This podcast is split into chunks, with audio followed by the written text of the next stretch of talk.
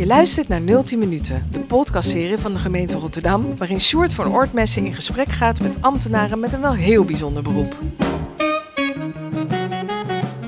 In deze aflevering bomendokter Ronald Loch.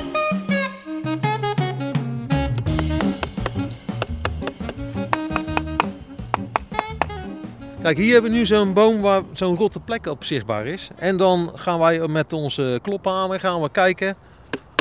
Nou, hier hoor je een klein beetje aan het geluid dat het niet heel erg eh, mooi klinkt. En nou ga ik om een mooi stukje hout eh, kloppen. Dat klinkt dus heel anders. En dit is wel solide klank. Terwijl de eerste klank veel doffer klinkt. Als ik naar zo'n boom toe loop, en dit is een hele mooie beuk, dan kijk ik al richting de kroon of daar uh, ja, mankementen zichtbaar zijn. Van de zomer, als die vol blad staat, dan kan je bijvoorbeeld aan de bladkleur zien of de bladgrootte dat die boom wat markeert. En dan ga je heel goed rondom die boom heen lopen om te kijken, zitten daar scheuren, zitten daar zwammetjes uh, op die stam. Wat hem uh, ja, gevaarlijk maakt, hè? Dus, dus breukgevoelig. Of, nou, dan heb ik hier een, een prikstok en een, een hamertje bij de hand. Nou, mocht ik een gat zien, dan kan ik met die prikstok dat gat inprikken. En dan uh, eigenlijk nagaan of daar nog meer rottingen in zitten in die stam. Nou, hoe dieper ik die prikstok erin kan krijgen, hoe slechter het is. En dan moet ik een beslissing nemen op dat moment. Ga ik met die boom door in de stad of niet? Je hebt het net eventjes tegenaan geklopt. Je hebt net even in de grond geprikt. Je hebt even omhoog gekeken. Ja. Nou, je bent de bomendokter. Ja. Wat is de analyse? Ja, dit is een echt een mooie beuk. Een mooie rechtopgaande beuk. Met een mooie vertakking boven in de kroon. Waardoor je ook ja, eigenlijk geen takbreuk ziet. En uh, deze is kerngezond. En die kan nog jaren mee. Ja, ik zei het net al, je bent de bomendokter. Is dat nou een officiële titel? Mijn officiële naam is adviseur bomen. Nou, als je dat zegt tegen iemand, dan zeg, ja, wat doe je dan de hele dag? Maar als je bomendokter zegt, dan gaat er wel een lampje branden. Klinkt ook veel beter, hè? Ja, ik vind het wel leuk om uh, zo genoemd te worden, ja. En hoe ziet nou zo'n dag van zo'n bomendokter eruit? Jij staat s ochtends vroeg op, dan trek je je in het groen aan. En dan uh, met een paar stevige stappers uh, aan, de, aan de voeten. En wat ga je dan doen? Nou ja, de, de bomen langs. En uh, nou, we hebben ook jongens in Rotterdam die het dagelijks echt alle bomen bekijken. En we doen er zo'n 40 tot 50.000 per jaar. En nou ja, komen daar ernstige gevallen uit die weg moeten. En dat zijn best wel bijzondere exemplaren. Ja, dan kom ik nog eens een keer om de hoek kijken om te beslissen van gaan we dat werkelijk hem kappen of gaan we nog wat ingrepen doen zodat hij nog iets langer kan blijven staan. Dit is in ieder geval de beuk. Uh, ja, hij is goedgekeurd. Zijn er ook nog bomen waarvan je denkt, nou, daar hangt wel een snottenbelletje aan? Nou, daar kunnen we wel naartoe lopen, denk ik. We lopen nu ook weer naar een beuk. En wat je hier nu ziet, dat is eigenlijk het uitgroeien van die, van die stam. En als je dan aan de zijkant gaat kijken... Ja, ik loop met je mee.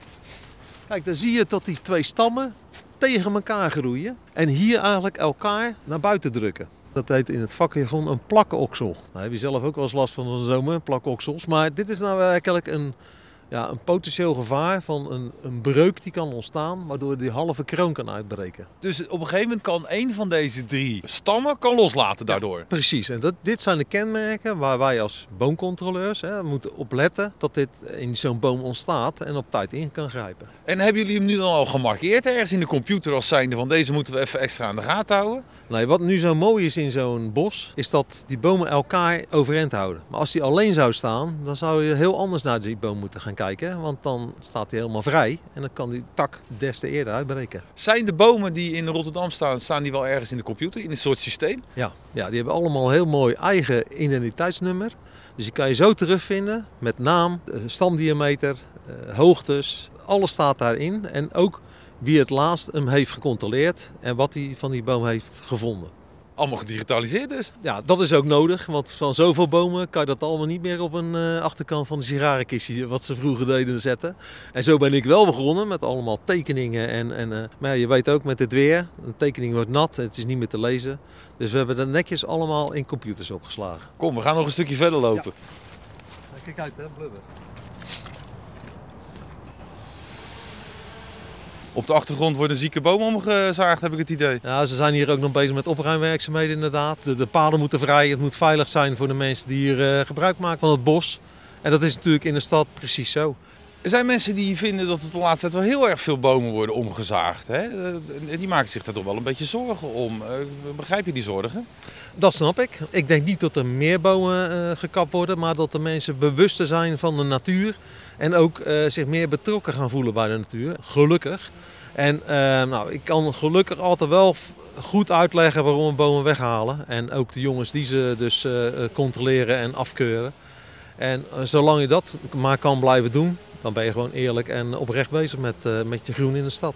Nou, maar leg mij dan nou eens uit dan waarom sommige bomen worden weggehaald terwijl ze niet ziek zijn.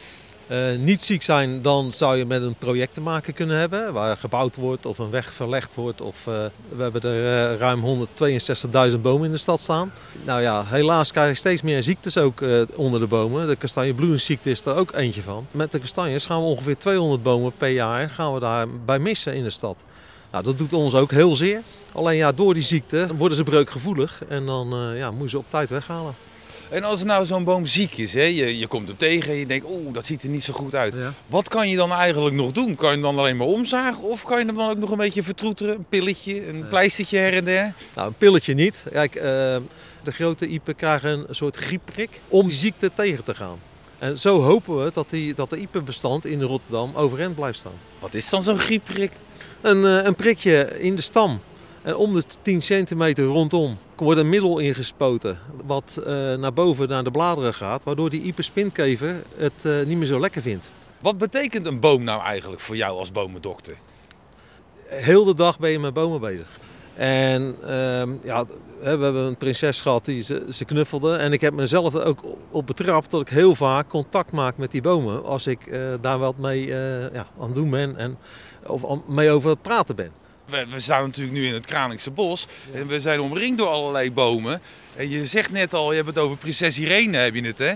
Ja, die, die dame, ja. Precies. En, en, en je zegt, nou ja, jij hebt die neiging ook wel eens af en toe. Maar zullen we allebei ons hand eens op zo'n boom leggen? En, en dan moet jij maar uitleggen wat ik dan zo eventueel zou moeten voelen. Ik, ik denk dat je een, een verbinding maakt met die natuur. En het, is, eh, het lijkt een soort ja, warmte wat die boom uitstraalt. Dat is misschien een beetje hocus pocus, maar er is meer. eh, tussen hemel en aarde zeggen ze wel eens. Dat er nog veel meer dingen zijn dan, wij weten.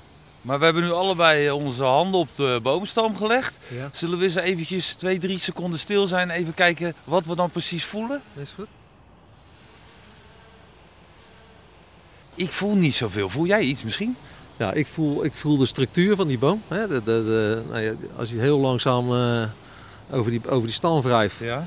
Zeker zo'n oude boom, wat heb je allemaal meegemaakt? En eh, ja, als je dat op dat moment moet bepalen dat hij weg moet, dan zeg ik, ja, sorry jongen, maar je moet weg. Ja, en dat doe je dan wel een beetje met pijn in het hart? Nou, dat heb ik eh, bij verschillende bomen wel gehad in mijn eh, carrière, ja. Zijn er bepaalde bomen in Rotterdam die een speciale betekenis voor jou hebben? Ja, zeker. Eh we hebben vorig jaar die, eh, die wedstrijd meegedaan met de landelijke boom van het jaar. En eh, dat was de lijnbaanplataan. Ja, weet je, die lijnbaanplataan die heb alles gezien. Die is in eh, 1851 geplant. Nou, dat is bombardement geweest in de oorlog. En hij heeft alles zien opbouwen. En hij heeft een prachtig mooie plek. Die heeft hij dan ook door ons gekregen. Hè? De, de, de, de lijnbaan is eromheen gebouwd. En die kan nog jarenlang kan die op die plek staan. En er kunnen mensen onder zitten als het heel warm is. Schuilen voor de regen. Ja, dat is een fantastische, eh, fantastische boom. Eh, Ik had ook begrepen dat wij in Rotterdam een, eh, een eh, verzorgingstehuis hebben voor bomen. Wat is dat eigenlijk? Ja, dat is een, ook iets heel moois wat ontwikkeld is, of eigenlijk ontstaan is in eh, 2005. Eh, toen was bij het, de bouw van het nieuwe Centraal Station stonden een paar hele mooie platanen in de weg. En die bomen zijn bij ons op de stadskwekerij terechtgekomen. We hebben nog een eigen stadskwekerij in Rotterdam. En toen is eigenlijk het bomendepot ontstaan. En wat we nu doen is in projecten kijken of er nog hele mooie vitale bomen staan. Die vroeger om gezaagd omdat we geen andere plek in de stad hadden. Die worden hier tijdelijk gestald en verzorgd. Vertroeteld eigenlijk door een, hele goede collega van mij. En als er dan een ander project is die weer bomen nodig heeft, dan kan die weer in dat nieuwe project. Daar staat gelijk een mooie grote boom. Eh, meer dan 5 miljoen vierkante meter bosmossoen hebben we in Rotterdam. Dus als mensen denken dat eh, Rotterdam helemaal niet zo groen is, dat is niet terecht. Nee, dat zeker niet. En ik heb mensen gehad die eh, met me mee zijn gegaan, een, een, paar uurtjes. En die zeggen dan, Ronald, ik ben totaal anders naar het groen in de stad gaan kijken. En zeker naar de bomen. En ik hoop ook dat, dat je dan eh, wat meer omhoog kijkt, hè, want daar, daar gebeurt het, hè, die mooie kronen. En ook dat de mensen eens niet zo op dat uh, schermpje zitten te koekeloeren, maar ook naar buiten gaan en genieten van dat hele mooie groen. Dit was 010 Minuten, de podcastserie van de gemeente Rotterdam. Presentatie Sjoerd van Oortmersen, regie en montage Katelijne Bijn.